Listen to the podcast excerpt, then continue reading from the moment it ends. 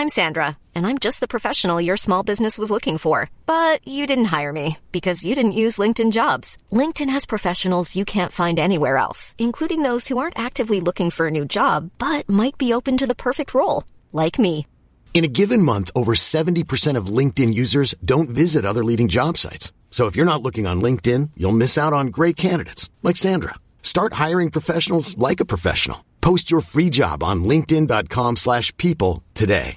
Many of us have those stubborn pounds that seem impossible to lose, no matter how good we eat or how hard we work out. My solution is PlushCare. PlushCare is a leading telehealth provider with doctors who are there for you day and night to partner with you in your weight loss journey. They can prescribe FDA-approved weight loss medications like Wagovi and Zepbound for those who qualify. Plus, they accept most insurance plans. To get started, visit plushcare.com slash weight loss. That's plushcare.com slash weight loss.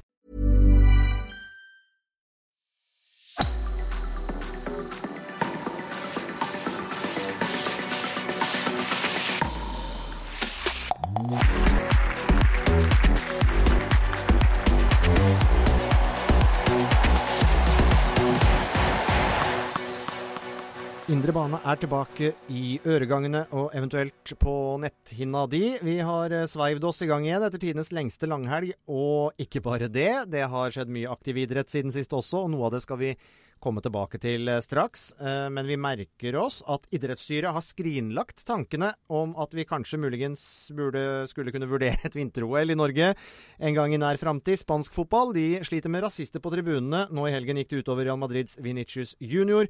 Og det sies jo at ingenting er så ærlig som en fotballtabell, men det gjelder kanskje ikke i italiensk Serie A, for der ble Juventus først fratatt 15 poeng, som de fikk tilbake, og så blir de nå trukket igjen i poeng, men denne gangen var det ti poeng de mista. Og det trekket sier Juventus selv at de skal anke inn til den italienske olympiske komiteen.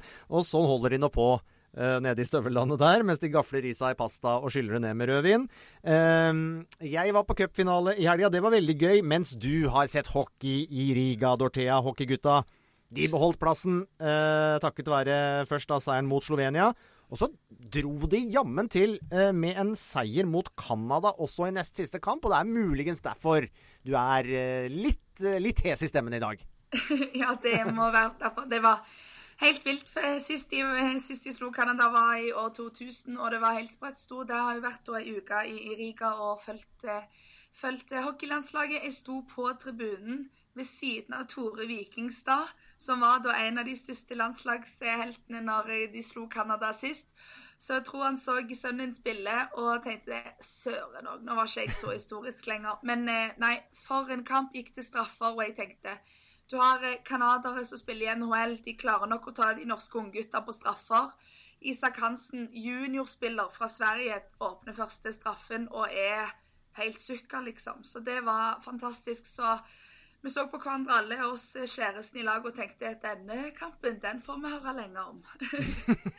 men, men, veldig gøy. Og det, det, gjorde litt opp for et litt trøblete mesterskap, vil jeg egentlig si. Så jeg pusta godt ned i magen og litt lave skuldre. Det gjorde litt opp for, for alt det andre. Så vi er hjemme fra Riga med en bedre følelse enn, enn vi hadde midt i uka.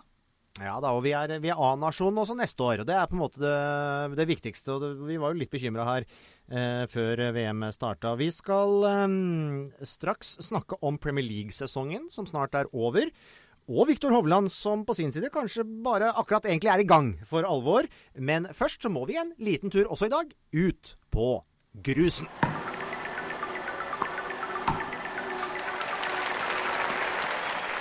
For med bare noen dager igjen til Roland Garros starter, eh, ja, det vil si i talende stund, så er de jo allerede i gang med kvalifiseringskamper, da. Eh, så ble det endelig en opptur for eh, Kasper Ruud i Roma-Dorteas semifinale. Ah, selv om eh, vi skulle gjerne hatt han til å slå Holger Rune der, selvfølgelig, da. Men etter noen eh, litt svakere turneringer, semifinale i Roma kort tid for, foran eh, Roland Garros, hva tenker du? Nei, og ja, surt tap, må jeg bare si. Men allikevel så hadde det vært enda mer surt om han hadde vært langt ifra. For Holger Rune er jo et av de hotteste navnene, i hvert fall nå i, i tennisverdenen, innledende mot Roland Gross. Så syns etter den semifinalen der, så melder Kasper seg greit på lista. Eh, Selv om han kom til finalen i fjor, så syns jeg nå OK, men da kan vi regne med han i år òg, for det var skikkelig bra tennis. Han hefter seg veldig. Eh, Roma-turneringen tror jeg blir utrolig viktig eh, å ta med seg videre inn. Spiller nå en litt mindre turnering i Genéve bare for å få inn matcher. Veldig smart, tror jeg. Gjorde det òg i fjor. Roma eh, var så viktig at jeg eh, tenker at det hadde han røyket tidlig der, så tror jeg han hadde kanskje gått litt i, i tenkeboksen sjøl òg. Det er veldig mange som drar til Genéve og, og, spiller disse mindre turneringene eh, som han skal spille nå, så Nei, det var steinviktig, Asbjørn. Vi minner veldig om fjoråret, faktisk, utenom om, om, litt på tidligere på Harcourt. Men cruisesesongen hans ser veldig lik ut, og det løsna jo i Paris skikkelig for han. Så er det jo litt sånn du vet, Når du taper i hvert fall sånne kamper, det er da du går veldig i tenkeboksen. De svir veldig, og du tenker det skal ikke skje igjen.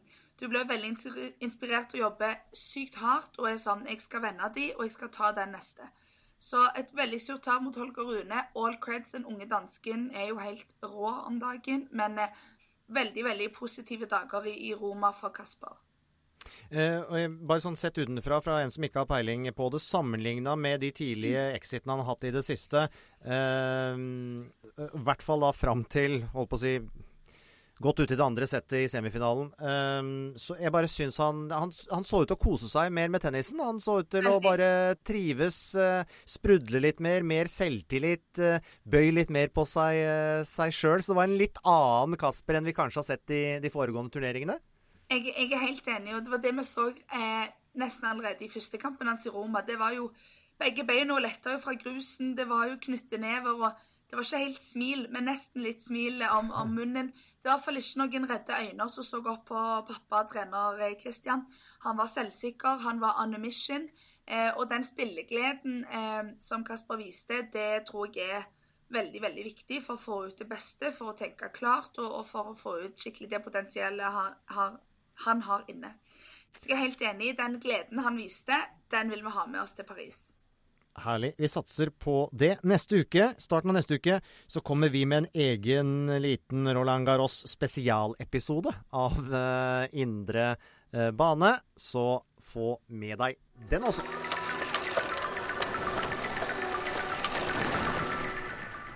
Vi spiller jo inn dette på onsdag. Tirsdag var det en knallhard etappe, den 16. i årets Giro d'Italia. Eh, den ble vunnet av Joao Almeida. Primos Roglic måtte gi noen sekunder. og Jerin Thomas overtok sammenlagtledelsen i det som etter hvert er et ganske redusert felt av girosyklister, Theis eh, Magelsen.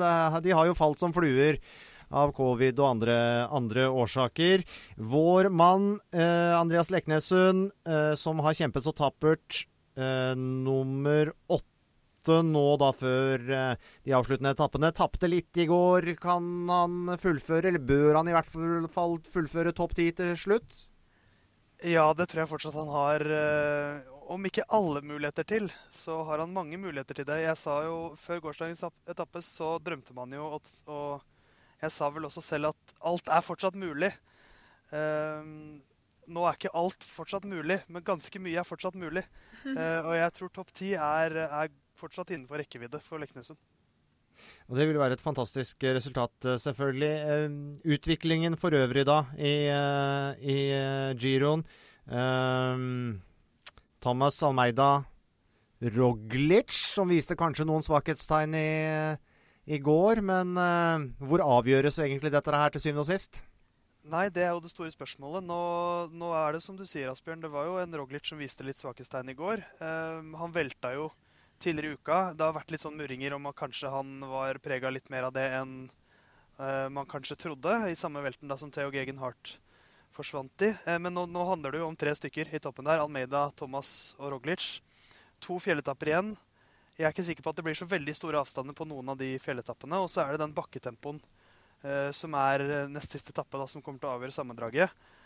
Bakketempo Primoz Roglic har mista en Grand Tour før han på en bakketempo. La Planche de Belfi eh, i 2020. Ehm, så jeg, jeg, tror egentlig at det er umulig Det kommer til å være så jevnt mellom de tre før den tempoen at det er den som kommer til å avgjøre alt, tror jeg. Eh, Dorthea, du har jo utropt Andreas Leknessund til ukas navn to uker på rad i norsk, i norsk eh, idrett etter at han hadde dag på dag i den rosa eh, rosa trøya. Så vi er jo fortsatt imponerte, selv om han eh, er litt distansert av de aller beste. Sånn som man bare måtte kunne forvente, egentlig. Ja, jeg syns Andreas Leknes har gjort det steinbra. og Om det blir topp ti, så, så, tar vi den òg. Han er ung. Han har hatt ledertrøye og tar, tar, små steg. og Jeg syns egentlig bare det er trist med giroen, sånn som du sa innledningsvis, med alle som har falt ifra, både med sykdom og, og covid. og eh, Nei, det er mm, åh, det er noe med Tobias Foss er jo òg eh, fortsatt syk etter han ble syk for, før giroen. Så Leknesund må jo bare spise opp alle plasseringene han kan nå, mens, mens gutta holder på å puste og, og sliter med lungene sine. Men eh, nei, jeg er imponert. Hvis det blir topp ti, så er jo det en mann for framtida uansett. Uh, ja, det, det, er jo lag her som bare har igjen et par mann, vel, uh, Theis? Altså, det er helt på tannkjøttet for enkelte? Ja, det var spesielt to dager i starten av forrige uke hvor det forsvant ti-tolv mann hver dag. Um, og det er ikke vanlig. Nå, nå, Både før og etter det så har det jo egentlig vært sånn to-tre mann som ikke har starta hver dag. Og det, det, er ganske vanlig utover i en Grand Tour. Men, uh, men, det var ekstremt der et par dager. Og så skal man huske at uh, det er helt vanlig at uh, et par store fisker forsvinner hver eneste Grand Tour. Primoz Roglic velta ut av Tour de France i fjor. Han velta ut av Vuelta Spania i fjor. så så det er, det er, ikke utypisk at store favoritter forsvinner, men, men, man hadde liksom bygget veldig opp Evnepol mot Roglic her. Men nå ser det ut til at vi kanskje får tre mann som kjemper i toppen isteden. Uh, og det er ikke gitt at Evnepol hadde hatt det lett mot dem uansett.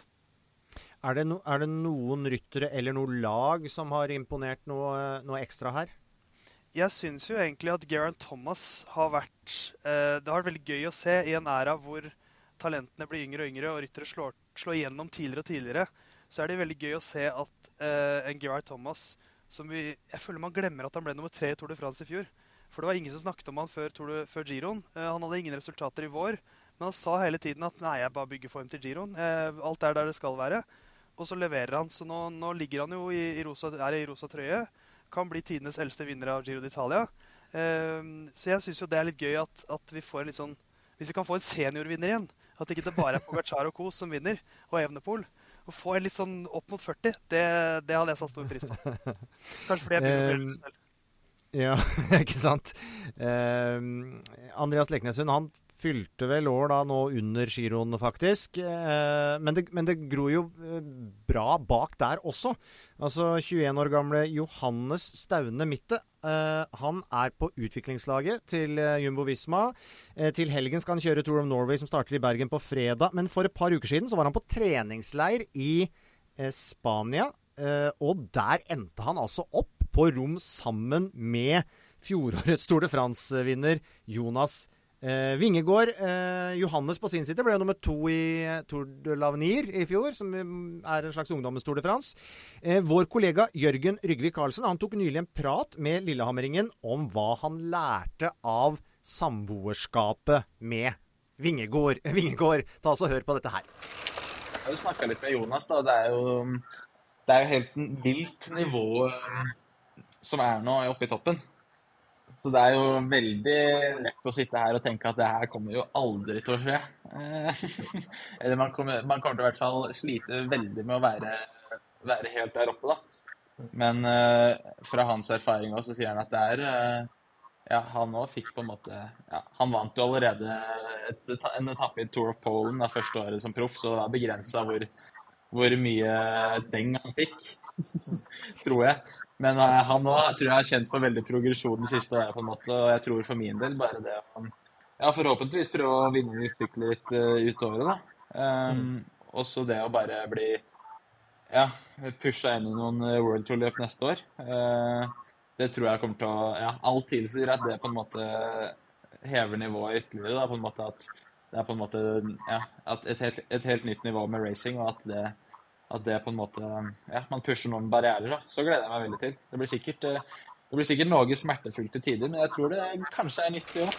Eh, han er forberedt på at uh, han nok må ha det litt vondt innimellom, uh, Theis, når han uh, skal opp på worldtour-nivå med Jumbo Visma. Vi får legge til at bror Andreas er blant våre kommentatorer, så er det, er det ryddig og på en måte uttalt også. Hva kan du si om om Johannes Daune Mitte?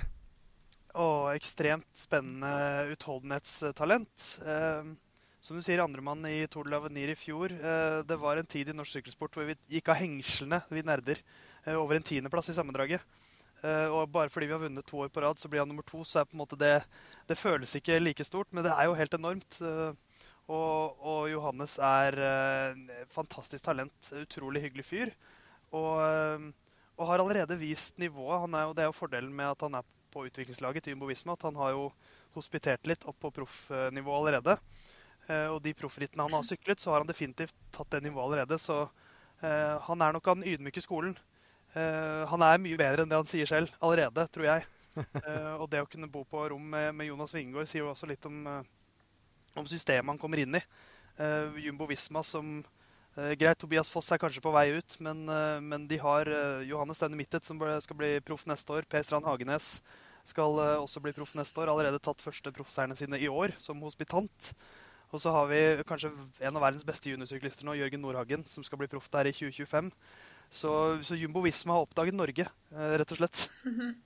Men du, jeg, jeg, lurer på det, Theis. Er det, er det altså helt avgjørende for disse ungguttene å ta det neste steget med å være på et sånt stort lag og, og få være med liksom, med eliten? Kan, trenger ikke å sove på rommet eller i dobbeltseng med dem, men å få hospitere, som du sier, og, og være en del av sånt, er, er det liksom blitt det Eller har det alltid vært ekstremt avgjørende for de unge guttene å, å ta det neste steget? Eh, eller kan du komme opp selv om du, du ikke er med og, og hospiterer på, på, et storlag? Om du eventuelt sykler for et norsk lag selv om når du er ung? Ja, det, altså, Kvaliteten stiger alltid til toppen, er det ikke det man sier? Eh, og Jonas Wingegård var jo ikke noe sånn unikt talent fra tidlig alder, han heller. Eh, han måtte litt opp i 20-åra før han liksom begynte å, å, levere nivå. Men det jeg tror er veldig fint med, med spesielt Jumbo Visma da, og lag som har disse utviklingslagene, er at du får for det, det, er, det, er, jo liksom rovdrift på talenter, kan man jo alltid frykte. Men eh, fordi profflagene og storlagene skal ha tak i dem tidligere og tidligere, fordi kappløpet begynner tidligere og tidligere. Men, eh, men Jumbo Visma, når de har dette utviklingslaget, så har de jo muligheten til å matche talentene sine veldig riktig. Eh, sånn som de har behandlet Per Strand Hagenes og Johannes Steine Mittet så langt, syns jeg har vært veldig riktig. Hvor de har liksom fått være med på treningsleirer osv., men, men de sykler for utviklingslaget, og så får de lov til å prøve seg eh, i litt mindre proffritt. Eh, og begge de to har vist en veldig sånn fin utvikling gjennom eh, årene i utviklingslaget der. Og, og, og, at de velger å gi dem full profftillit neste år, det, tror jeg, det føles også riktig timing. Så jeg tror, jeg tror, det er et fint system å være i, eh, for de talentene i hvert fall. Eh, det høres jo veldig bra ut. Vi har jo noen eh, profilerte norske ryttere, Boasson Hagen, Kristoff, som er mot eh, slutten av sine, sine, karrierer. Og så ser vi at det gror veldig, veldig godt. Som du var inne på, Theis, vi har faktisk to seirer ved Tobiasene, vel, i Tour de l'Avenir de siste årene. Eh, Halland Johansen og, Tobias Foss også en andre, andreplass eh, i fjor. Så det gror definitivt godt. Og Johannes Daune Mitte med sitt lag til Tour of Norway Uh, Ineos kom jo med et bra lag der med Egan Bernal i spissen. og Dette starter altså med en uh, tempo, vel, opp Fløyen på fredag. Så det er ganske spektakulært det som skal uh, skje der. Selv om det sammenfaller litt med, da, med avslutningen på Giro d'Italia. Et råtips til slutt. Hvem står igjen som Giro-vinner, Theis? Nei, jeg sier at de gamle er eldst. Geraint Thomas. Herlig. Da noterer vi oss det, og så skal vi sjekke opp det til uka. Eh, kom deg på plass i kommentatorboksen. Ta oss gjennom noen nye etapper av Giro d'Italia, og så snakkes vi senere.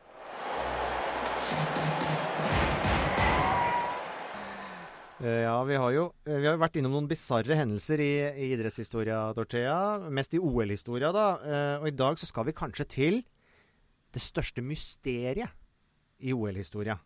Eh, det finnes nemlig en OL-gullvinner som ingen vet hvem er. Mm. Og vi må igjen til vårt favoritt-OL. Det er jo OL i Paris i 1900. Uh, eh, vi, gleder oss, ja, vi gleder oss jo til, til, OL der neste år, ikke sant? Um, nå skal vi til roing. Thor med styrmann. I semifinalen så merka nemlig det nederlandske laget at de hadde et skikkelig drawback. styrmannen deres Hermanus Brochmann han veide nemlig 60 kilo. Mens de franske båtene de brukte små gutter som styrmenn i stedet. Og hadde jo da en stor fordel i at de var flere titalls kilo lettere. Ikke sant? Så de to nederlandske roerne, Brandt og Klein, De, de sparka kompisen sin, Hermanus, ut av, eh, av båten. Og på kaia så fant de en liten fransk gutt som de tok med seg som, som styrmann, eller koks, da, eh, til finalen. Og dermed, når de plutselig var 30 kilo lettere, så slo de de tre franske båtene som de konkurrerte mot i finalen. Gull til Nederland, og til en liten fransk gutt som ingen vet hvem er, eller visste hvem var. Det finnes et bilde av de her to roerne, Brant og Klein, sammen med han lille gutten, og det er det hele. Eh, og det er, det er, på en måte det store mysteriet i OL-historia. I de offisielle listene så står han Brochmann, da, som var styrmann i, i semifinalen, eh, han står som gullvinner. Selv om det altså var en liten gutt fra Paris som faktisk gjorde jobben i finalen. Sånn kan det, sånn kan det også gå. En, eh, en glemt gullvinner som ja, ingen vet hva skjedde med, faktisk. Nei. Og hva var den lille franske gutten? Han orket ikke å si hvor han var og hvem han var. For han tenkte det er OL-gullet. Det kan jeg bare ha. Så trenger ingen å vite at jeg har vunnet det. Det var akkurat det. Han bare forsvant i mengden. Life is full of awesome what ifs, and some not so much, like unexpected medical costs. That's why United Healthcare provides Health Protector Guard fixed indemnity insurance plans to supplement your primary plan and help manage out of pocket costs. Learn more at uh1.com. I'm Sandra, and I'm just the professional your small business was looking for. But you didn't hire me because you didn't use LinkedIn jobs. LinkedIn has professionals you can't find anywhere else, including those who aren't actively looking for a new job but might be open to the perfect role, like me. In a given month, over 70% of LinkedIn users don't visit other leading job sites. So if you're not looking on LinkedIn, you'll miss out on great candidates like Sandra. Start hiring professionals like a professional. Post your free job on linkedin.com/people today. When you're ready to pop the question, the last thing you want to do is second guess the ring. At Bluenile.com, you can design a one-of-a-kind ring with the ease and convenience of shopping online. Choose your diamond and setting. When you find the one, you'll get it delivered right to your door. Go to Bluenile.com and use promo code LISTEN to get $50 off your purchase of $500 or more. That's code LISTEN at Bluenile.com for $50 off your purchase. Bluenile.com code LISTEN.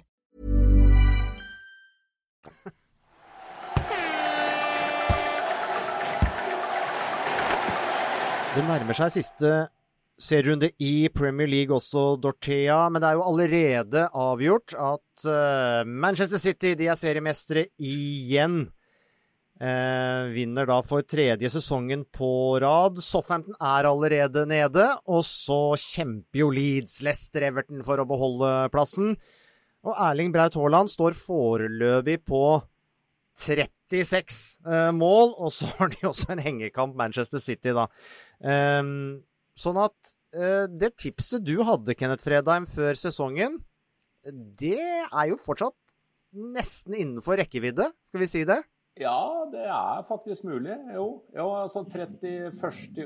Hva var det spilt da? Én eller to runder eller noe sånt nå. Så uh, la jeg ut en av mine sjeldne tweets hvor jeg skrev at Man City vinner. Uh, Erling Haaland skårer 40, Arsenal blir nummer to. Ja. Så, Den er ikke langt unna å gå inn. Den er ikke så langt unna. Gunhild, eh, først og fremst. Eh, det er litt emosjonelt for deg selvfølgelig å være med i Indre bane, selv om Indre bane som podkast-vodkast har tatt en litt annen form og en litt annen retning. Ja, det er det, men det er veldig koselig. Og jeg ble jo veldig glad da du spurte, Asbjørn, men det var jo Det er litt rart. Og så Jeg visste jo ikke at dere skulle starte den opp igjen, for jeg plutselig fikk sånn varsel på Instagram. Bare 'Indre bane kommer snart i ny drakt'. Jeg bare 'Hæ, hva som skjer?' Så måtte jeg sende melding til deg og høre hva som foregikk. Men jeg er jo kjempeglad for at dere har kjørt på på nytt. Artig at uh, Dorthea har kommet inn. Da må ha med en tøff jente i indre bane. Det er veldig viktig. Så hold styr på guttene, Dorthea. Det har jeg merka at det klarer du. Det er bra. Ja, Dorthea klarer det. Ehm, men eh, etter at du forlot oss, da, Gunhild, så, så har vi jo sett deg i, eh, i eh, Viaplays Premier League-studio, og vi har sett deg på plass i England. Og i det hele tatt, hvis du med noen setninger kan oppsummere hvordan denne Premier League-sesongen har vært sett fra ditt, fra ditt sete? Det har jo vært helt uh, spinnvilt, egentlig, uh, med målene til eh, Haaland og måten han har kommet inn i Premier League på. Tenk det, første sesong.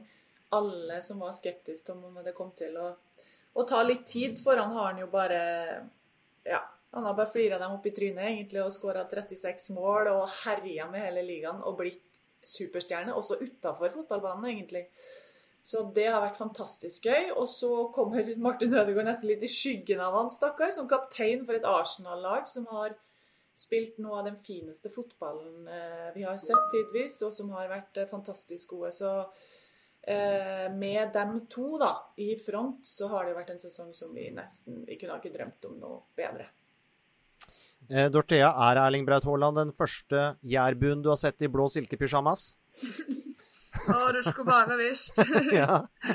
Nei, han, han, må være det, altså. Men det er sånn som Gunnhild sa. Jeg tenkte før vi gikk på nå, så var jeg sånn jeg syns egentlig litt synd på Ødegaarden. Fordi han har stått der på midtbanen, og bare, de er liksom syv poeng bak, og han altså, er kaptein i Arsenal. Og så klarer han der silkepysjamas-jærbuen og bare Se på meg heller, så Nei, det er Både i topp og bånn i Premier League så er det jo nordmenn, så det er helt vilt, egentlig, det luksuset vi har fått. Det er nok for Gunhild begynte i, i studio der, altså. ja, det skal være litt forsiktig med å ta æren for det, men det er for en flaks vi har hatt. Og så har det også vært så mye andre ville ting som har skjedd, og kamper. Så det, det, har vært litt sånn at selv de rundene hvor vi har gått inn og tenkt sånn nå blir det litt, litt roligere, så kliner de til, og så blir det noe kokos som skjer likevel. Så det har vært utrolig artig, både i studio og å være på plass i England òg. Det er jo ganske spesielt, Kenneth, at vi har to nordmenn som er så markante for de to topplagene eh, i Premier League, som vel begge ble nominert til, til årets spiller. Eh, som ikke bare vi hauser opp, men som får anerkjennelse over, over en hel fotballverden. Vi har hatt eh, mange gode spillere i Premier League tidligere, men eh, dette her er noe helt spesielt, altså. Ja, det er det. Eh, og her nytter det ikke å komme med noe sånn nisselueuttrykk. Altså, for det, for vi, har, vi, har, faktisk fått to nordmenn i Premier League nå som eh, er verdensstjerner, enkelt og greit. Eh, jeg kommenterte Premier League i en tid hvor vi hadde 30 nordmenn der. Masse strålende fotballspillere, men ingen det går ikke an å si at noen av de var i nærheten av statusen faktisk til både Erling Braut Haaland og Martin Ødegaard. For jeg er jo enig ikke sant, i det dere har sagt nå. altså Martin kommer uh, i skyggen, selvfølgelig. Det er jo smått groteskt på en måte med, den, sesongen han har, uh, han har, hatt. Han har vært helt enorm. og nesten for meg, selv om jeg har sett den siden han var ti år gammel, jevnt og trutt, liksom, så er det nesten forbløffende eh, den posisjonen han har tatt i Arsenal. Den måten han er kaptein på der, hvor, hvor spilleintelligent vet vi alltid at han har vært. Jeg må at jeg begynte å lure for et par år siden. Jeg må si noe litt om Martin først, da. jeg begynte å lure for et par-tre år siden, og så er det OK, ender dette opp i Nederland eller sånn midt på treet i Tyskland? Uh, og så har han bare tatt Eh, Arsenal og Premier League med, med, med storm, liksom. Og, men kommer selvfølgelig da i, eh, i bakgrunnen av han med silkepysjamaser og klokker til 1,5 million. Uh, uh, selvfølgelig gjør han det. Uh, og, og, det. og, det. med Erling Haaland, altså. Nå er det nesten fem år siden jeg var på Brann stadion. Da hadde han så vidt fylt 18 år. 18 år og 10 dager, tror jeg han var. Og han skåra altså fire mål eh, på 17 spilleminutter på Brann stadion. Eh, midtstopperne var Bismar Acosta og Vito Wormgård. De var 200 kilo til sammen. Og de så bare på hverandre med sånn fortvila blikk. ikke sant? Når målet rant inn der. Ja, men helt alvorlig. Og det var første gang føler jeg at vi så monsteret. Ikke? Altså, vi, vi, vi så dette her helt absurde potensialet hans. Og så drar han til Østerrike, drar videre til Dortmund, kommer nå til Premier League. Og det er liksom ikke Det bare fortsetter. Det bare ruller på.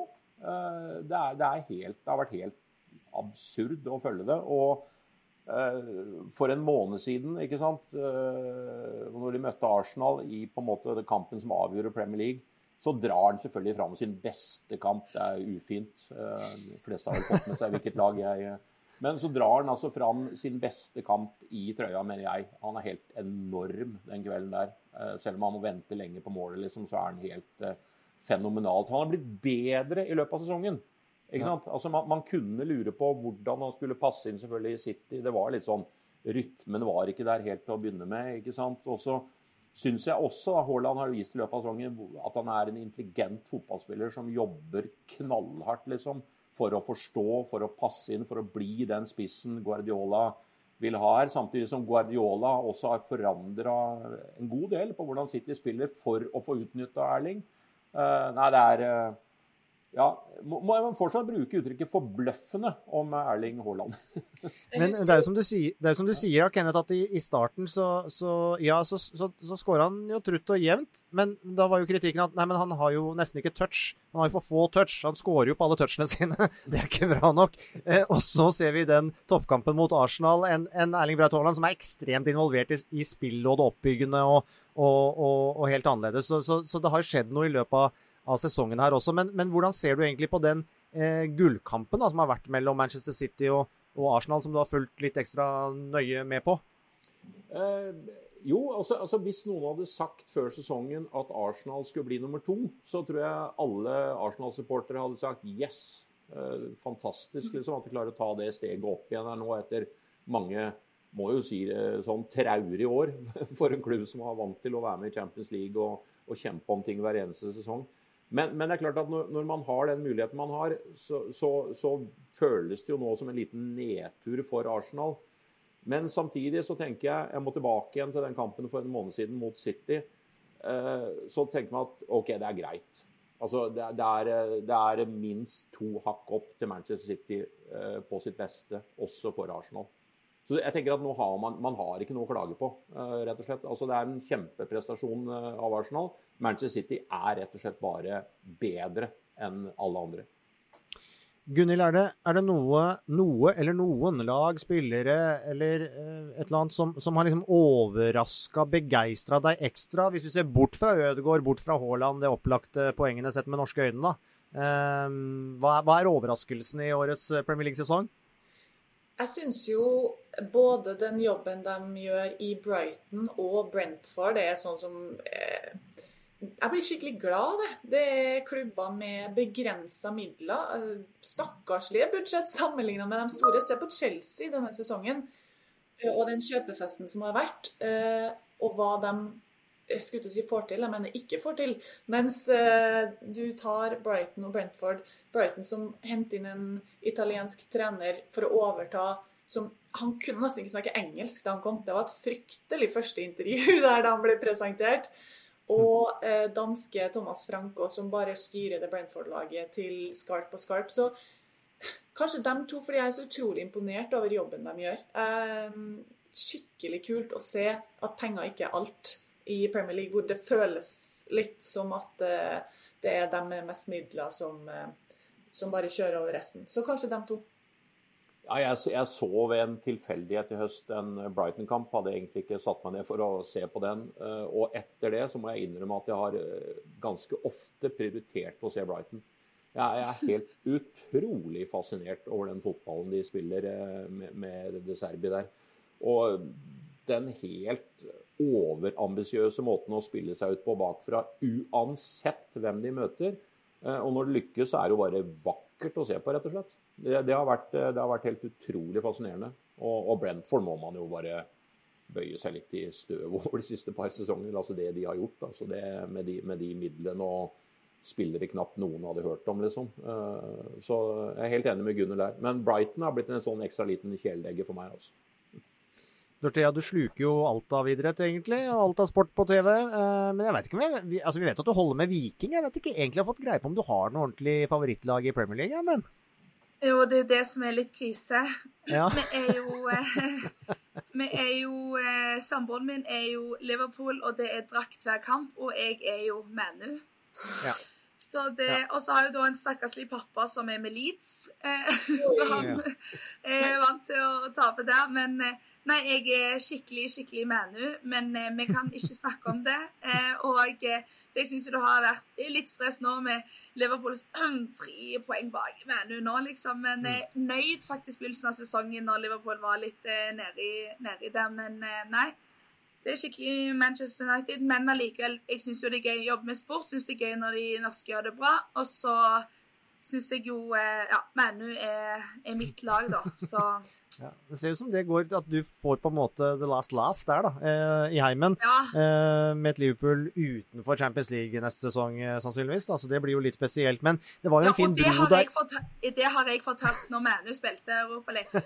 Å ja, det er jo Europaliga. Ja, ja, ja, ja. For skal jo ut og se på kamp, liksom. Så nå skal Åh, når vi skal sitte i Sverige og se på TV, bare Champions League, ja. Å nei. Ja, du får gå ut med bikkja du, da, for jeg skal se Champions League. Men det var en fin bro inni der også til, til nedrykksstriden og til Leeds, eh, for det ble nevnt. Eh, Gunhild, der er det jo virkelig spenning før eh, siste, eh, siste runde. Du skal, kan vel, du skal kanskje over en tur, eller? Ja. Skal du være i studio på siste, siste runde? Vet du hva? Jeg skal eh, til Ellen Road Ja. for å holde Eirik Bakke i hånda, for han skal oh. dit. og eh, ja, det er spennende. Men Leeds er jo avhengig av at Everton eh, ikke vinner den kampen sin da, eh, mot Bournemouth. Så eh, ja, det der kommer til å bli helt spinnvilt. Jeg gleder meg til å stå der på indrebane. Jeg har ikke vært på Ellen Road før, så det gleder jeg meg veldig til. Fint å være der med Bakke. Og så kommer det til å bli nervepirrende 90 minutter, tror jeg. Ja, veldig. Og en klubb som Leeds, da, som på en måte fikk sin resurrection der, og det var Bielsa, og, og det var ikke måte på, liksom. Og nå ja, er de så nær et, eh, et tøft, eh, tøft nedrykk igjen. Og vi vet jo alle at det er ikke bare å, det er ikke bare å slå tilbake, selv om de får noen fallskjermpenger. Nei, det er ikke det. Eh, og så tror jeg folk eh, som heier på litt, som jeg snakker med, i hvert fall etter Bielsa, så har de bare følt at det har vært litt kaos. Eh, nå fikk jo han Grazia prøve seg eh, her før han fikk fyken, og de setter inn Sam Allardyce for fire kamper. Det er jo nesten en umulig oppgave, det òg. Men så klarte han liksom å skape litt håp. da, Åpna med tap mot City, som eh, ikke er så veldig rart. Og så klarer de å få med seg ett poeng mot Newcastle, men så kollapser de egentlig mot Westham i den forrige kampen. Og det gjorde jo vondt. De gikk jo med tårer i øynene rundt der etterpå, spillerne. Så, så nå skal det et mirakel til. Men eh, herregud, det kan jo skje. Det, det er jo sykere ting som har skjedd enn at Everton taper den kampen, Leeds vinner sin. Og Leicester også inne i smørja der, da. Så det blir, det blir helt kaos. Og Everton, altså, Kenneth. Fryktelig sesong, og, og på en måte lever på en knivsegg til, eh, til siste kampdag. Eh, Altså den tradisjonsrike eh, Liverpool-klubben. Leeds, selvfølgelig, med enormt med supportere i Norge. Det, det vet vi alt om. Eh, Det er, det, det, er jo noen som må ta seg en tur på apoteket før, og få det unnagjort på lørdag, før søndagen. Ja, til de grader. Eh, Det er jo to, det er jo to giganter liksom, som står i fare for, eh, fare for å rykke, rykke ned her. ikke sant? Og altså Leeds Ja, jeg tror nok, jeg tror nok du trenger å holde hardt i handa til Eirik Bakke. Altså, for det, altså, det, jo, det er jo en klubb som stort sett, stort sett har vært i en eller annen form for kaos siden Eirik Bakke spilte semifinale i Champions League for dem. Ikke sant? Altså, eh, det skal, jeg har flere kamerater eh, som vokste opp på 70-tallet og er altså så svorne Leeds-fans. ikke sant? Og de, de har jo altså så vondt. Eh, og eh, det blir, det blir jo ja, det blir jo ordentlig nervepirrende. Det er, det er liksom litt sånn trist å se to så tradisjonsrike klubber i, i litt sånn kaos begge, liksom. En, nesten mer bekymra for Everton, liksom, på, én måte. Altså, sånn, sånn litt sånn framtidsmessig, selv om de kanskje da redder plassen, de, og at Leeds eh, ryker ned. Men eh, ja, men det er jo som sier, Asbjørn, det det er jo ikke bare bare å ryke ned, selv om du beholder liksom eh, en pen pott liksom, og har en mulighet til å komme deg opp igjen. Men det er, det er tøft å komme seg opp igjen fra championship. En ting, en ting som var veldig fint i helga, da, selv om Erle ville jo verken ha Leeds eller Everton ned, egentlig, men det var fantastisk fine scener på City Ground da de sikra plassen mot eh, Arsenal. Beklager, Kenneth, men Var det det, egentlig, var var egentlig så fine scener? Det var helt, helt nydelige scener. Ja. Og jeg må si, av alle arenaene jeg har besøkt denne sesongen, så sitter vi igjen noe av det som har gjort sterkest inntrykk på meg. Eh, fordi det føles som, for alle oss som har reist mye rundt i Norge på norsk stadion, at du går inn på en, en hvilken som helst norsk eliteseriearena hvor det er, det, alt er ekte. Det føles eh, veldig ekte. Folk som har gått på kamp der i 100 år. og en, en sånn ubeskrivelig fin atmosfære inne på den stadion der. Eh, det er herlig. Eh, da gjenstår det, på en måte å se hvem som, hvem som berger seg der. Og, og får vi ikke glemme Leicester oppi dette, her, som tross alt vant Premier League for noen få sesonger siden. Så det svinger også i Premier League. Eh, takk, Kenneth. Takk, Gunhild. Da gleder vi oss til å følge med på, på Viaplay. Siste Premier League-runde. Så er det et par hengekamper nå i midtuka også som det går an å få med seg, eh, faktisk. Og så er det jo bare for oss andre da eh, Gunhild, og Kenneth for så vidt også, og, og kanskje Dorthea, å si eh, 'next season'. Ikke sant? Next season. Takk skal dere ha. Ja, det går, eh, det går riktig vei. Um, selvfølgelig. Det, um, du får jo ikke altfor mange sjanser å vinne en av de her, så det, det, det er surt å, um, å ikke vinne, selvfølgelig. Men jeg føler jeg har spilt bra hele uka. og Um, noen ganger så går det din vei, andre ganger så går det ikke din vei. Og um, ja, jeg har i hvert fall lært veldig mye de siste par månedene uh, og satser på at uh, vi får en av de her snart. Ja, det sa Viktor Hovland, som natt til mandag eh, leverte sin beste major-turnering noensinne da han endte på delt andreplass i PGA Championship. Etter en spennende siste runde fra torsdag denne uka spiller han i Charles Schwab Classics, som du kan følge på Discovery Pluss og på våre kanaler og plattformer. Og neste uke The Memorial, som igjen er en av de virkelig store turneringene med mye penger i potten. Karsten, jeg vet du gleder deg stort til å reise til Ohio neste uke for Memorial. Eh, men først, vi får kvittere ut det som har eh, skjedd. Eh, Viktor Hovland nærmere en major-seier. Nærmere en seier i en av de store turneringene enn noensinne. Eh, ja, hadde du tro på at han egentlig skulle kunne gå helt til topps der før, uh, før søndagen? Ja, faktisk. Jeg, for det er en annen Viktor Hovland nå, eh, den mai 2023-utgaven av Viktor i alle turneringer, enn vi har sett tidligere. Og hvis du, hvis du da ser da det måten han kriger på på søndagen, og går du tilbake til The Open i fjor, i juli i fjor, han er i lederball med McIlroy er veldig passiv. Klarer aldri å komme på det nivået han kan. Så ser du eh, på den søndagen, og så ser du Masters i år, siste runden, hvor han mangler det siste. Mot Cupca nå på søndag. Så det var liksom bare et spørsmål om OK, selv om du havnet tre bak Han kriga hele veien, henter inn Cupca, er bare ett slag bak, og så kommer dette famøse bunkerslaget da på 16 som koster alt. Men eh, det er en annen Viktor nå syns jeg vi ser. Nå er ikke jeg ekspert, det er Henrik Bjørnstad og Marius Torp som er, men det er en annen Viktor vi ser. En helt annen En fyr som har mye flere eh, våpen da, i bagen enn bare driveren. Eh, nå har han nærspillet, han har puttinga, han har bunkerslagene. Så jeg trodde helt ærlig at nå skal vi feire hele uka med PGA Championship. Det ble nesten. Eh, og det er jo sykt, da at til den samme bunkeren dagen i forveien, Corey Connors altså, på nesten samme identiske hullet, og mener, du, det her ser du ikke om du hadde spilt lotto hver dag i 20 år. Det her er sju rette. Eh, altså Å få inn den, den, ballen akkurat der. Så mm, det, jeg hadde trua, men dessverre gikk det ikke. Eh, jeg hørte jo en av ekspertene, eller leste en av ekspertene, Marius Torp, snakke nettopp om det med nærspill, og at det var der han tenkte at, eh, at Viktor hadde tatt, eh, hatt størst framgang i det, i det siste. Eh, tenker du det samme, Karsten? Ja, han hadde jo denne swing-coachen som het Jeff Smith før. Eh, som har hatt suksess med mange andre spillere, Aaron Wise, Victor Hovland etc. Men kanskje ikke det siste kneppet på hvordan Victor spiller. Så kommer Joe, Joseph Mayo inn, som ikke er en eh, som har så mye med PGA-sirkus å gjøre, men som har ideene som kanskje Victor liker. For Victor er sånn, Hvis ikke det sitter med en gang, da gidder jeg ikke jobbe mer med det.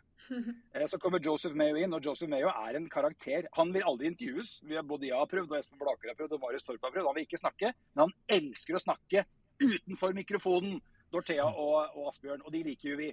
Så han, og han er flink til å påpeke når ting han har lært Victor, går inn. Vi var på et player, så gikk vi siden av Joe Mayo. Og hver gang Victor gjorde et godt slag Look at this, we just work on that. Look at this, we just work on this. Look at the scores here. It's so good from around the green for å fremheve det han gjør. Men også for å fremheve hodet til Victor. Fordi han, hvis det han øver på, lykkes med det, han lykkes med det han driver med, så det jo selvtillit i golf er jo noe eh, som, eh, som, man kan fort bygge, men også fort miste. Så det har skjedd noe spesielt ja, med, med nærspillet til Viktor Hovland. Og det han leverer nå, er jo, som mange eksperter, bl.a. våre eksperter, sier, det er jo ikke noe spørsmål om Viktor vinner enten på fastlandet i USA eller en major. Det er snakk om når han gjør det. For han er altså så god for tida. Karsten, du som følger golfen så nært, og Viktor, vi har snakket om det vi snakket om det siste uka òg. Vært topp ti, vært veldig god. Liksom savner den lille, lille spicen der for å komme helt på topp. En sur andreplass, eh, vil jeg si, men allikevel veldig mye positivt nå sist fra, fra championship. Har du en annen ro nå? Eh, stoler du mer på, på Viktor både i nærspill og på at han kan prestere på søndagen etter det han leverte nå sist helg? Ja, det, men det er godt poeng, Dorthea, for det er den derre søndagen. Husker du, sånn som Hvis du går tilbake et par år, så var det Hovland-søndag. Og det har vi ikke hatt på en stund. Vi har hatt Hovland torsdag, vi har Hovland fredag, vi har Hovland lørdag. Ikke Hovland søndag. Eh, og det er jo noe Én ting er å spille hvis du er litt sånn underdog. Nå går jo Viktor stadig inn i turneringen og er favoritt. Og det er jo en annen litt annet ballgame hvis du går inn og er favoritt, kontra det at ingen forventer noe mer enn ok, topp ti topp fem. Så det som Victor nå viser, syns jeg, det er den krigermentaliteten som du har i John Rahm, du har det i Scotty Sheffler, McIlroy, som du ser om han kan være fem-seks slag bak første siste dagen. Så han kommer bak der, han er i form. Og der er Victor nå. Han klarer, altså Det er ingen på i PGA eller i verden som er bedre enn Victor Hovland, sånn totalt sett. Kanskje et slag her og der, men sånn totalt sett som golfer, nummer seks i verden, 18 på FedEx-cupen, 79 av 89 cutter har altså Viktor Hovland klart i sin PGA-karriere. Det, det, er helt sykt. Eh, så altså, han har absolutt alt nå for å lykkes. Eh, så som jeg sa, det er, det er, bare spørsmål om når han vinner igjen. Han har jo aldri vunnet på fastlands-USA. Han har noen turneringseiere borti noen sånne resort-greier og noen sånne all inclusive drinks eh, og noen eh, paraplydrinker. Eh, Eh, rundt omkring. Men så det Victor viser nå, og spesielt nå i PGA Championship, som er altså Oak Hill, er en helt syk bane. Jeg så det var noe på Twitter som sa at hvis du har 18 i handikap, så skal du være heldig hvis du går under 120 slag på Oak Hill. Victor er den eneste som hver dag eh, han, hadde, altså, han hadde lavest score av alle hver eneste, altså, totalt sett på eh, eh, Altså han var under, under par hver eneste dag eh, på Oak Hill. Og det er det bare han som klarer. Så han har absolutt alt som skal til. Og så er det denne skru-til-greia på søndag. Men det tror jeg han skjønte nå, for det er bare uhell det som skjer på 18. på 16 der, i bunkeren. Så ja, helt enig, Dorthea. Nå blir det å feire norske seire på, i PGA snart.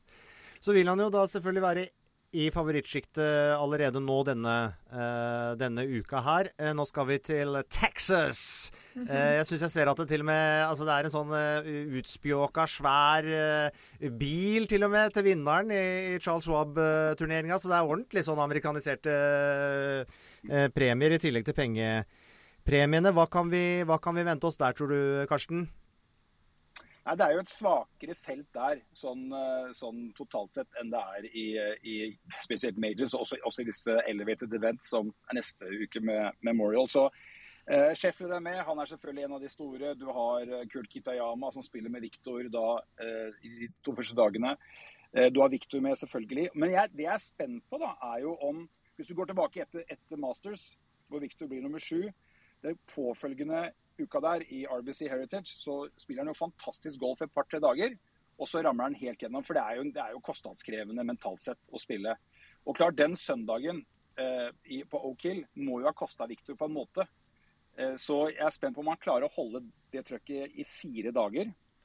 Eh, men han er definitivt blant favorittene. Og altså, han er jo en eh, ambisjonsrik og ærgjerrig fyr fra Ekeberg, så jeg tror han har lyst til å se nå at OK, det jeg gjorde på i PGA Championship, La oss da ta det ett steg nærmere med et litt svakere startfelt. Litt svakere startfelt. Så eh, er det jo en det er jo en, en vanskelig bane, Colonial. Eh, du, men du trenger, den er lettere enn Oak Hill. Så hvis Victor bare får ting til å sitte, og ikke er veldig mentalt sliten, så kan det bli morsomt der òg. Jeg håper jo at han gjør det bra nå, men enda bedre i Memorial, for da er vi der. Så, ja, Memorial har jo ikke vært noen drømmebane eller turnering i hvert fall for Viktor så langt. Men, eh, så han kan godt vente med seieren en, en uke til, altså. Veldig mye spennende golf i eh, vente, ikke bare i bakspeilet eh, på, på championship. Eh, vi gleder oss til å følge sendingene fra Charles Schwab Classics eh, denne uka. Og god tur over dammen neste uke, Karsten. Der kommer du til å kose seg. Og så er vi sikre på at Viktors første store seier, den er bare Den er bokstavelig talt bare noen slag unna. Ja, og så gleder jeg meg til å gå rundt på Memorial, som er en ganske elevert bane, med en brukket ankel. Det gleder jeg meg ekstra mye til. Får du ikke golfbil? Du får ikke golfbil? Jeg får golfbil, men det er jo det er ikke bare meg der. Så hvor mye vi får kjørt den bilen, er jeg litt usikker på. Herlig. Vi gleder oss. God tur, da. Takk for det. Ja, neste uke så blir det ingen ordinær indre bane-episode. eh, Men vi kommer som nevnt ut med en eh, Roland Garros spesial i anledning eh, French Open. Og ja, da nærmer vi oss slutten for denne gangen, Dorthea. Men har du et ukens navn? Ja, det er like vanskelig. Husker når vi skulle, skulle begynne på det, så tenkte jeg det blir sikkert kjempelett å bare velge ett navn. Men vi er skikkelig bortskjemte, i hvert fall disse ukene som har vært her.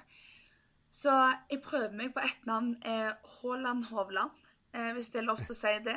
Haaland Hovland? eh, Ja, ja, ja. Haaland Hovland. Eh, nei, Viktor Hovland tatt det kanskje det store steget. Ikke helt oppe på toppen, men nå i, i PJ Championship fikk en ja, syk andreplass. Brooks Kepka var litt for, litt for god på slutten der, men har tatt veldig veldig store steg. Vi gleder oss sånn til, til å følge han videre. Jeg tror nok det var en liten icebreaker det han gikk gjennom eh, denne uken der. Så jeg syns Viktor Hovland fortjener ukas navn. Så har vi jo den deilige Erling Haaland i lyseblodet pysjamas. Pysjamas? Oi, oi, oi. På byen i, i Manchester. Så tenkte jeg, vet du hva, han er Han får bli ukas navn. Eh, det er ikke bare pysjamasen som, som gjør at han fortjener den. Utrolig bra silke, sikkert, den der. Men Ja, ja. Eh, Nei, han er, han er helt rå, Erling Haaland. Vi får bare nyte alt han gjør. Premier League-seier, og han er, er jo Nei. Hovland, Haaland, sånn får det bli. Og de får vel leve ut til om to uker òg, Asbjørn. Herlig. Eh, det var det vi hadde i eh, dag. Husk å følge oss eh, på Instagram. Der heter vi Indre bane. Og så er det jo bare å egentlig tegne Discovery Pluss-abonnement hvis du ikke allerede har gjort det. Fordi nå blir det tennis døgnet rundt framover. I tillegg til golf og mye annet snacks. Og så vet jeg at du skal på en aldri så liten tur til Las Vegas de nærmeste dagene. Oi, oi, oi. Syndens by. Det kan bli eh, Det skal bli spennende å få rapport når du kommer hjem. Ja, det blir spennende det. Og da krysser vi fingrene for at jeg går rett fra bryllup i Las Vegas til jobb i Paris. For at Kasper er med andre uke i French Open. Så folk får sende gode tanker, og Dorthea for jobb i Paris. Riga, Las Vegas, Paris. Altså, du er syk globetrotter. Ja, ja globe, globetrotteren fra Stavanger, vet du. Ai, ai, ai. Eh, god tur, da. Tusen takk. Snakkes. Snakkes.